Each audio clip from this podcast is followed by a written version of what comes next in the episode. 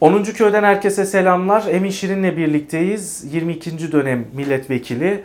Ee, önemli konular var, önemli başlıklar var işleyeceğiz. Özellikle bir fotoğraf karesi 19 Mayıs'ta çok dikkat çekti. Ee, liderlerin olduğu bir fotoğraf. Ee, aynı gemideyiz diye yazdı Sayın Doğu Perinçek ancak e, eleştiriler de var. Ee, o fotoğrafı destekleyenler de var. İşte Türkiye İttifakı diyenler var. Ancak orada HDP'nin olmaması, İyi Parti Genel Başkanı Sayın Meral Akşener'in olmaması fotoğrafı eksik mi bıraktı? Yani e, bir tweet gördüm. E, sanırım Ahmet Faruk Ünsal atmıştı. O karede bir 6 milyon eksik dedi HDP'yi e, kastederek. Aynı şekilde İyi Parti'de e, orada eksik ama o fotoğrafın anlamı ne? E, onu biraz e, anlatmalıyız. Hoş geldiniz hocam. Hoş bulduk. Gördünüz fotoğrafı. Gördüm gördüm. Herkes Ee, var orada. Yani ama ya- işte- yani herkes dolaylı veya direkt olarak Evet. çok insan var Çok diyelim. insan var diyelim. Şimdi ben belki de yaşım icabı siyasetin 40 senedir takip eden bir insan olarak bunları zamanımızda lalet tayin fotoğraflar diye bakardık. Yani o koalisyonlu değil mi? Yani. hakikaten yani Türkiye nasıl kamplaşmış, Türkiye nasıl birbirine düşman hale gelmiş bunu anlamanın imkanı yok. Zamanında 70'lerde 80'lerde birbirlerinden hiç anlaşamayacak insanlar bile özellikle böyle günlerde e, yani bayram günlerinde birbirlerini ziyaret ederler, nezaket içinde davranırlar veya açık oturumlara katılarak bu şekilde bu işleri yürütürlerdi. Dolayısıyla bu bana belki de eski tecrübelerimden daha normal bir fotoğraf gibi görünürken etrafımda fikirlerine çok hürmet ettiğim insanlardan aman Allah patlamalar oldu? geldi. Evet yani. Şey orada ne arıyor? Ee, Kılıçdaroğlu orada ne arıyor? Temel Karamoğlu orada ne arıyor? Ya bunu, bunları ben sakinleştirmeye çalışıyorum. Pek başarılı olduğumu söyleyemem. Ben Kemal Kılıçdaroğlu'nun niye gittiğini tahmin edebiliyorum. Niye gitti? Mesela Şimdi yani kendi tabanından da şeyden tepki var. Ben bir tweet Var attım. var çok. Uu, Hani ne düşünüyorsunuz diye yüzlerce şey geldi, aman Allah. tepki geldi. Ne arıyorsun orada Evet. diye bas bas bağırıyor Orası insanlar. sarayın gemisi, bizim gemimiz değil, batsın o gemi falan. neler neler yazıyorlar. Birbirlerine giriyorlar. Evet. Şimdi Kemal Kılıçdaroğlu oradayken Kemal Kılıçdaroğlu'nu bir hafta evvel ağza gelinmeyecek hakaretler eden Devlet Bahçeli orada niye diye düşünmek lazım. Şimdi ben bu fotoğrafı konjonktürel görüyorum. Zillet orada, millet, orada. Evet, zillet orada, millet Cumhur da orada. Cumhur da. Hepsi orada. Hepsi bir. Şimdi buradan e, bazı arkadaşlarımız yine fikirlerine hürmet ettiğim, siyasetin içinde olan bazı arkadaşlarımız Türkiye İttifakı'nın çıkabileceğini söylüyorlar. Evet. Hayır, çıkmaz. Niye? Türkiye İttifakı buradan çık. Bu konjonktürel bir fotoğraftır. Yani yeni kapı gibi mi? Hani Ee, darbe sonrası yeni yeni, kap- kapıdaki buluşma gibi mi? Onu konj- onu darbenin konjonktür- psikolojisine Evet. filan vermek lazım ama bugünkünü tamamen İstanbul seçimlerinden evvel konjonktürel bir fotoğraf olarak görüyorum. Bunu Kemal Kılıçdaroğlu'nun çok iyi anlatması lazım. Temel Karamollaoğlu'nun çok iyi anlatması lazım. Ne demeleri lazım? Şu. Yani. Bu iki kişi diyorlar ki biz kamplaşma istemiyoruz. Biz kamplaşma istemiyoruz. Ana mesaj bu. Ana mesaj bu. Dolayısıyla fikren hiçbir şekilde birbirimizden uyuşmasak bile şu tansiyonu düşürecek, kamplaşmayı azaltacak bir şekilde bizim bir diyalog kurabileceğimizi de halka göstermemiz lazım. Çünkü bu kamplaşmanın sonucu işte demin söylediğiniz tepkiler ve hakikaten birbirine düşman gözünden bakan Tabii. insanlar halindedir. Bir örnek daha vereyim. Dün Galatasaray şampiyon oldu. Ben Evet. Galatasaraylıyım, memnunum. Bu arada yandaş basın dediğimiz basın bülteni olan medyaların birinci sayfasında yok Galatasaray. Yok. Niye? Yenilen Başakşehir. Başakşehir için. Şimdi böyle rezalet olur mu canım? Böyle bir kamplaşma. Futbolda bile bölündü. Her yerde bölündük. Galatasaray'ın şampiyonluğuna Beşiktaşlılar da sevindi, Trabzonlular Sevinenler da sevindi. oldu Sevinenler oldu diyelim yani. Fenerlilerden de sevinenler Aynen, aynen, oldu. aynen. Yani e, muhalif olanlar sevindi. Aynen. Başakşehir şampiyon olmasın Aynen. diye. Eskiden yoktu. Futbolda Hayır. bile yoktu. böyle. Yoktu canım. Ben yine talebeliğimde Mithat Paşa'da oynanan maçlarda aynı tribünde yarı yarıya Fenerbahçe Galatasaray Hiç şey beraber. Hiç efendim. Demir parmaklık falan. Ne münasebet. Kavga bile çıkmazdı. Ben Galatasaraylı güzelmiş. olarak Can Bartu'yu seyretmeye giderdim. Fenerbahçeli arkadaşlarla. Onlar Metin Oktay'ı görmeye Evet. gelirler. Biz onların devrine yetiştik. Şimdi şu Türkiye İttifakı'na Ha. döneyim müsaade ederseniz. Bakın Türkiye İttifakı nasıl kurulabilir? Bu fotoğraf Türkiye İttifakı falan değildir. Türkiye İttifakı meselesinde e, Sayın Cumhurbaşkanı'nın bir danışmanı 8 maddelik bir manifesto Evet. gibi bir Evet. e, yazı yazdı diyelim.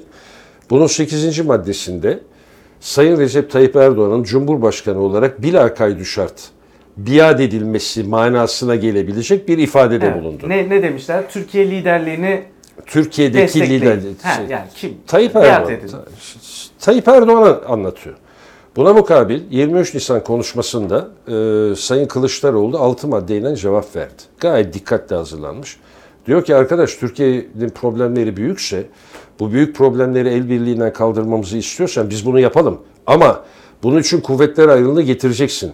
Parlamentoyu kuvvetlendireceksin. Şeffaflaşacaksın. Yolsuzlukları bitirecek bir sistem Evet. kuracaksın ve tek adam rejiminden vazgeçeceksin. Yani yarı başkanlık veya başka bir sistemin içine gireceksin.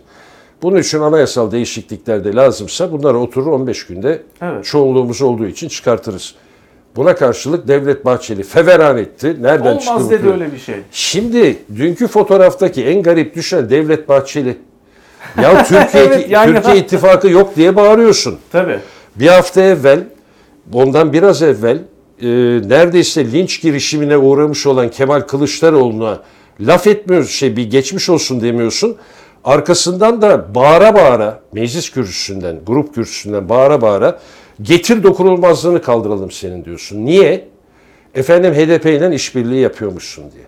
Şimdi bu kadar tenakuzdan sonra sorulması gereken Sayın Bahçeli sen orada ne arıyordun? Ben onu soruyorum. Kemal Kılıçdaroğlu anlatması lazım ama bu çerçevede gittiğini biliyorum. Evet. De, Sayın Temel Karamollaoğlu'nun da bu çerçevede gittiğini biliyorum. Diğer liderler için söyleyecek bir şeyim yok. Şimdi HDP'nin olmamasını ben şöyle yorumluyorum. Bunu daha detaylı video çekip e, paylaşacağım ancak. Evet. e, sanki HDP bu işe tepki göstersin. Aynen ya öyle tuzağa lanet düşsün. olsun. Hepiniz aynı sistemin adamısınız işte. Hiçbirinizin bir diğerinden farkı yok. CHP'si de aynı, AK Partisi de aynı, Saadet'i de aynı, İslamcısı da aynı, solcusu da aynı. Orada Doğru. DSP var, Doğru. e, Perinçek var, ANAP var Doğru. vesaire. Ve buna kızıp İstanbul seçimlerinde hani Binali Yıldırım'a oy vermek de değil mesele de Sandığa sandığa gitme. gitmesi. Tabii tabii bunu amaçladık. Konjonktürel Ama- onun için diyorum. Ama sanki Sayın Kılıçdaroğlu bu Bravo. olayı çözdü. Biraz önce Bravo. HDP eş genel başkanı Sayın Pervin Buldan'ı arayarak ya siz de orada olsaydınız dedi. Çünkü ben sabah uyandım meseleye. Sabahleyin bir baktım bütün HDP'liler döktürüyor. Pervin Buldan yazıyor. Barış Atay bat, batsın o gemi yazıyor vesaire. Baktım ki HDP'den bir tepki var. Var. Ve o tepki AK Parti'ye değil. Oraya giden diğer muhalefete. Tabii. Yani Tabii. e, böyle bir şeyi amaçlamış olabilir. Çünkü Sayın Cumhurbaşkanı siyaseti çok iyi biliyor. Kesinlikle. Kesinlikle bunun amaçlandığı belli. HDP de sükunete kavuşsun, biraz ayakları yerlere Evet. bassın ve bu işi şöyle değerlendirmeli. Muhalefetle arası açılsın. Şimdi, evet. Şimdi ben akıl verme durumunda değilim HDP'ye. Çünkü HDP'ye benim çok ciddi bir kızgınlığım var evvel. Evet. Her seferinde söylüyorsun. Her seferinde Doğru. söylüyorum. PKK ile ilişkinizi keseceksiniz. PKK'ya silah bırakma talebinde bulunacaksınız. Evet. Siz bunları bulunmadığınız takdirde bir Türkiye partisi olabilme imkanınız yok. Marjinal bir şekilde 6 milyon marjinal değil diyebilirsiniz. 6 milyon oy. Evet marjinaldir arkadaş. Siz eğer bir sol parti olacaksanız Kürt kökenli vatandaşların haklarının daha iyi hale gelmesi için mücadele edeceksiniz. Evvela PKK ile ilişkinizi kestiğinizi deklare edeceksiniz. Onlara silah bırakma talebinde bulunacaksınız. Bunu yapmadığınız müddetçe benim tereddütlerim Muhatap devam ediyor. alınmıyorsunuz Alın. zaten, evet. Ama dün dolaylı olarak alındılar. Nasıl? Devlet Bahçeli'den de onda bundan bir hafta evvel Kılıçdaroğlu için niye bağırılıyordu? Sen HDP HDP ile. Ee, yapıyorsun. Şimdi sen o HDP ile ortak olan Kılıç olduğunu söylediğin Kılıçdaroğlu'nu çağırıyorsan Yan yana duruyorsun. dola, yan yana duruyorsun. Bir tarafında e, Devlet Bahçeli Sayın Cumhurbaşkanı'nın bir tarafında Sayın Kılıçdaroğlu. Böyle bir yerde sen orada manevi olarak gelmiş oluyorsun. Kılıçdaroğlu bu cesareti de gösterdi.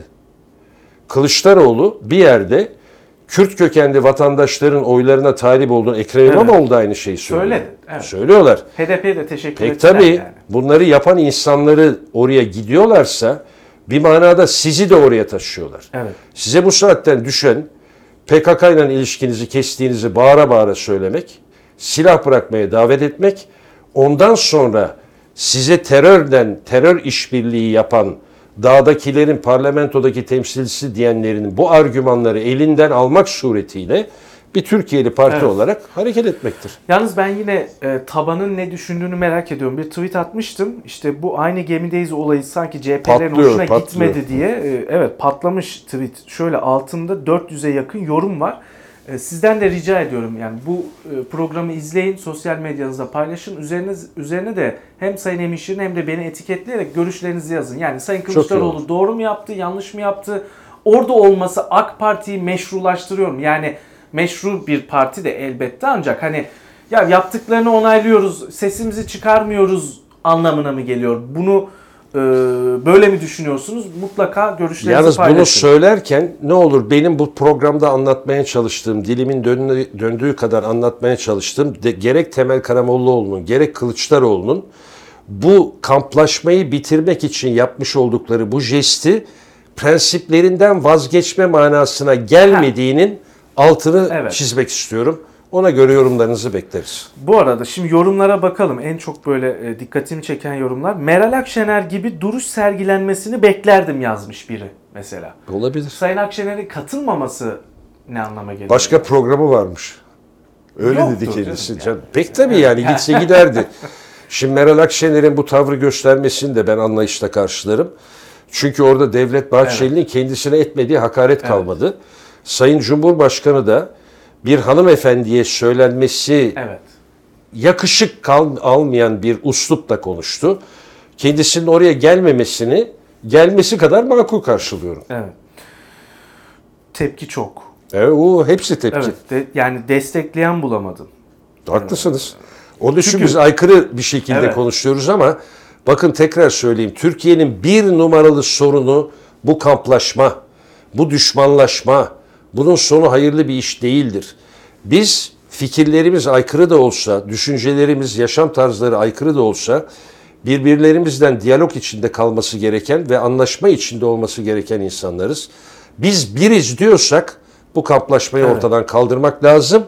Fikirlerimizden ve mücadelemizden siyasi olarak, fikri olarak vazgeçmemek kaydıyla. Evet. Bu arada YSK ile ilgili ne düşünüyorsunuz? Yani ne olacak? 23 Haziran Şimdi Sayın Binali Yıldırım ilginç bir hesap yaptı. Dedi ki Bakın. YSK yoklukla malul benim için. artık yok. Hukuken bak fiilen var, icraat olarak var çünkü kararlarına hiç kimse itiraz edemiyor. YSK niye yok diyorum. Sayın Cumhurbaşkanı YSK'nın gerekçeli kararını ne zaman açıklayacağını açıklıyor. Evet. YSK söylemiyor bunu. Sayın Tabii, Cumhurbaşkanı ona- biliyor bunu. tabii. E şimdi bu yoklukla malul demektir. Ne diyeceğim? Şimdi sosyal medyada böyle e, pa- paylaşılan bir video var. Çok paylaşılan bir Evet. video. Sayın Binali Yıldırım Evet. e, ilginç bir tez ortaya atıyor. Diyor ki sandık görevlileri arkadaşlar CHP'li sandık görevlileri seçim günü AK Partilileri e, anlamış AK Partili olduğunu. Ya Alnında mı yazıyor yani nereden Herhalde, anlaşılıyorsa herhalde, tipine bakmış. Ya bu kesin AK Partilidir ve cahildir. Kesin anlamaz şimdi oy da kullanmayı beceremez diye düşünmüş. Ona 4 3 pusula yerine 2 pusula mı ne vermiş yani? Büyükşehir pusulasını vermemiş güya. Sayın Binali Yıldırım böyle bir seçim yolsuzluğu hilesi var e, şeklinde açıklamada bulundu. Ya ben üzülüyorum Sayın Yıldırım'a. Şey bir şey söyleyeyim. Binali Yıldırım geçen 31 Mart seçimlerine nazaran herhalde kulağa çekildi veya kulağa Ha, daha çok sağda. Çok daha sağda, çok daha görünür halde ama o kadar çok pot kırıyor ki. Evet. Kendisini evinde otursa, e, iftarını evinde açsa, Sayın o iftar dolaşsa. iftar görüntüleri de Evet. hakikaten bir O komedi. ya? Evet. Yani Paylaştım ben de. hakikaten olacak şey değil. Son derece suni kokan, kendi tabanları için bile Evet. tepki taşıyacak. Masa dururken yerde Berat Albayrak da aynı Evet. şey. Bunlar komik şeyler ya. Bunlar komik. Ama buna rağmen ben bunu söylüyor ben, e, Sayın Binali Yıldırım. Ben de başka bir dedikoduyu kendisine söyleyeyim. Buyurun. Şimdi basılan pusulalar, YSK tarafından basılan ya yeni basılan pusulaların kaç adet olacağını biliyor musunuz? Yok. Bilmiyorsunuz. Bunların el altından dağıtılıp dağıtılmaması konusunda bir garanti var mı? Yok. Yok. Bunlar zimmetli olarak burada İstanbul'da 30 küsur bin sandık olacak. Bu sandıklara zimmetli olarak mı gidecek? Hayır zimmetli olarak gitmiyor. Zimmetli olarak toplanmıyor. Peki yani şöyle söyleyeyim. Normalde kaç seçmen var? Onun iki katı mı basılıyor İki ka- kanuna göre? Beş katı da basıyorlar. Ha, evet. Kontrol eden var mı? Yok. Yok.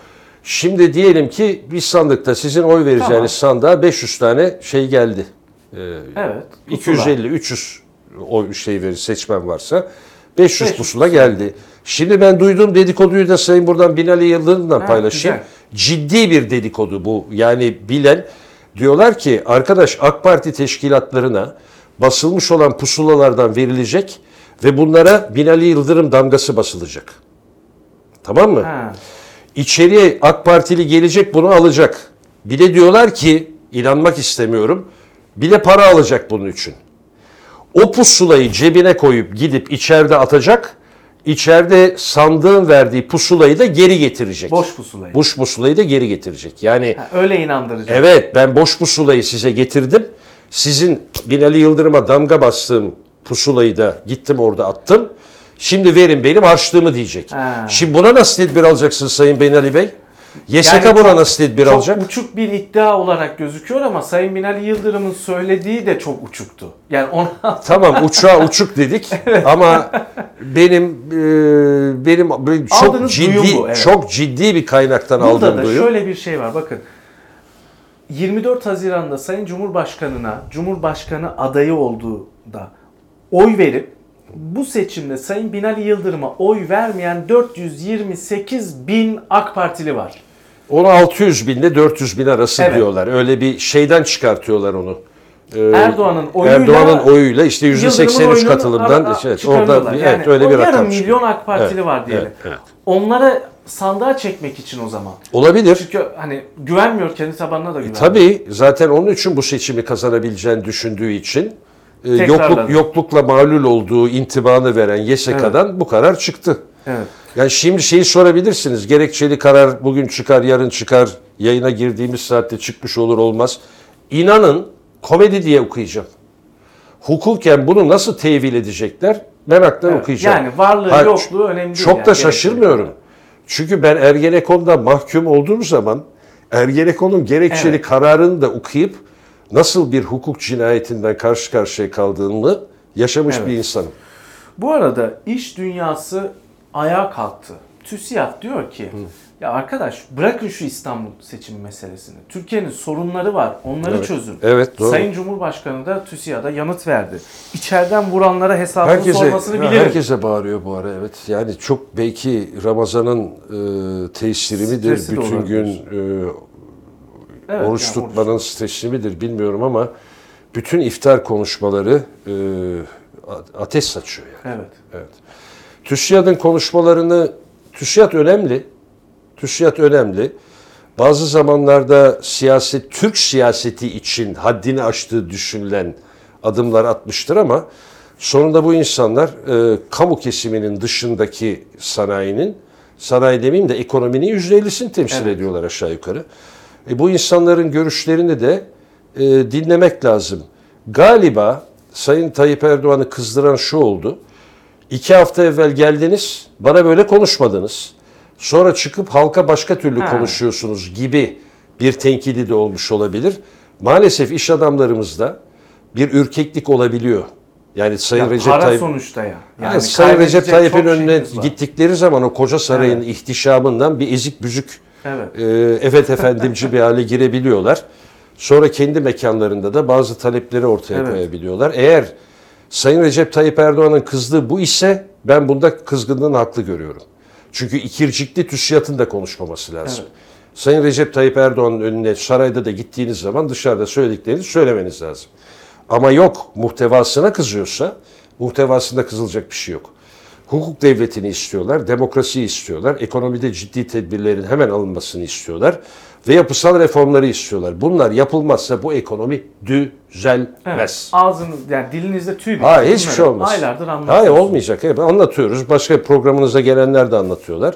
Düzelmez. Şimdi Cumhurbaşkanlığı Yüksek İstişare Kurulu neden kuruldu? Ben Ankara'ya gittim. Orada e, bazı AK Partililerle görüştüm. Evet. İsim vermeyeyim. E, hatta bir tweet attım. Onu da izleyicilerle paylaşayım bir kez daha. Cumhurbaşkanlığı Yüksek İstişare Kurulu'na e, küskün AK Partililer davet edilecek. Eleştirileri dışarıda yapmayın da içeride yapın denilecek. E, Bana söylenen bu. Kimler olacak orada diye sordum. Dediler ki işte AK Parti'nin dışından bir isim ama Sayın Tansu Çiller davet edilecek. Sayın Mehmet Ağar davet edilecek. Ve eski meclis başkanları ağırlıklı olarak yani Cemil Çiçek, Bülent Arınç, Köksal Toptan gibi isimler bu kurulda yer Ömer alacak. İzgi de var galiba. Ömer İzgi de var onu da yazmıştım. E, bu kurulda olacak. Hatta Yıldırım Akbulut e, Evet. ismini söyledi bana şaşırmıştım. Yani böyle bir e, kurul kuruyor. Ne yapmayı amaçlıyor bilmiyorum ama sizin- Kalemli de var galiba bir ara başkanlık yapmıştı. sizin düşünceniz ne? Yani bu neyi amaçlıyor? Valla yine Sayın Recep Tayyip Erdoğan'ın kendi durumunu konsolide etmek için e, bazı beklentili olarak olan eski siyasileri pasifize etmek istediğini Ha. görüyorum. Şimdi neden ümitli değilim bu kuruldan?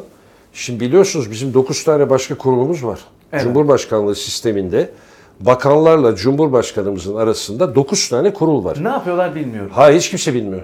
Yani sabah gidiyorlar. Hayır. Yok haftada 3 gün Üç gidiyorlar gün ofisi Ankara'ya. açtın, oturuyorsun. Aynen. Ne yapılıyor? Bilmiyorum. Halk da bilmiyor. Bunlar yani ne yapıyorlar bilmiyorum. Bunların arada bir toplantı fotoğraflarını Evet. filan görüyorum. Aralarında aktif olarak konuşan insanlar var. Mesela e, güvenlik ve dış politika konusunda e, kurul üyesi olan ve yandaş, yandaş basın demeyeyim de bir gazetede e, makaleler yazan Burhanettin Duran. evet. Çok önemli takip ediyorum. Çünkü herhalde o söylediklerini sarayın içinde de konuşuyor. Evet. Eski SETA'cı İbrahim Kalın'a yakın vesaire bu bakımdan daha bir mana ifade eder hale geldi. İlnur Çevik de heyetlerin içinde Evet, yazı da- yazması yasaklandı Evet. biliyorsunuz. Dolayısıyla ne yaptıklarını bilmiyorum. Ama söylenen hiçbir şey yapmıyorlar. Bu kurulun da yani Yüksek İstişare Kurulu'nun da ciddi bir e, işlev görüp görmeyeceğini bilmiyorum. Şimdi Sayın Recep Tayyip Erdoğan'a sormak lazım kardeşim. Bunlar atanmış insanlar, seçilmiş insanlar değil. Öbür tarafta bir meclis var. Hiç ona sormak yok. Sen ona hiç sormak yok. Ee, O meclisin içindeki veya dışarıda Temel Karamollaoğlu vesaire gibi Doğu Perinçek Farklı gibi insanlarla Şimdi buraya Doğu Perinçek'i de çağırırsan, Temel Karamollaoğlu'nu da çağırırsan acaba mana ifade eder mi diyorum. Bilmiyorum anlatabildim mi? Yani, Yani bu akıl kurul- danışacağın, Akıl danışı... politika belirleyeceğin. Pek tabii, pek tabii. Meclis var. Meclis işte bu kopuşun sonunda meclisi iyice yok eden, yoklukla malul hale getiren, sadece orada işte AK Parti'nin damgasını basması istenen bir durum içinde yapıyorsun. Sen bütün bunları yapacağınıza Sayın Cumhurbaşkanı neden meclisi daha çalıştırır hale gelmiyorsunuz? Velev ki şimdi eğer bu kurulu kurmaya madem karar verdi, kararnameyi de imzaladı. Ben şahsen o kurulun içinde Temel Karamollaoğlu'nu görmek isterim. Davet edilmesini Ha. görmek isterim. Doğu Perinçek'in davet edilmesini görmek isterim. Sayın Meral Akşener'in davet edilmesini Evet, o da isterim. parlamento dışı. O da Evet. parlamento dışı. Milletvekili değil. Milletvekili değil.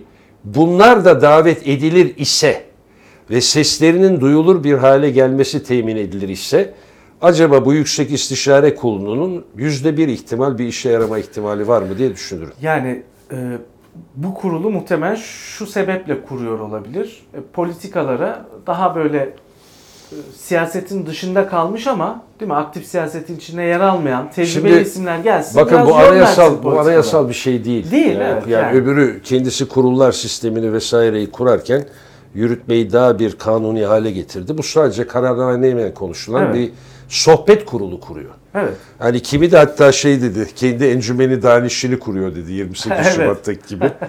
Ona da e, bu espriye de biraz gülümseyerek baktık. Evet. Son olarak 5 dakikam Buyurun. kaldı. Yönetmenim bu arada. Yönetmenim de Cilara. Çağrı Cilara. Cilara fazla fazla bir tane daha çıktı. Medyaya girdi.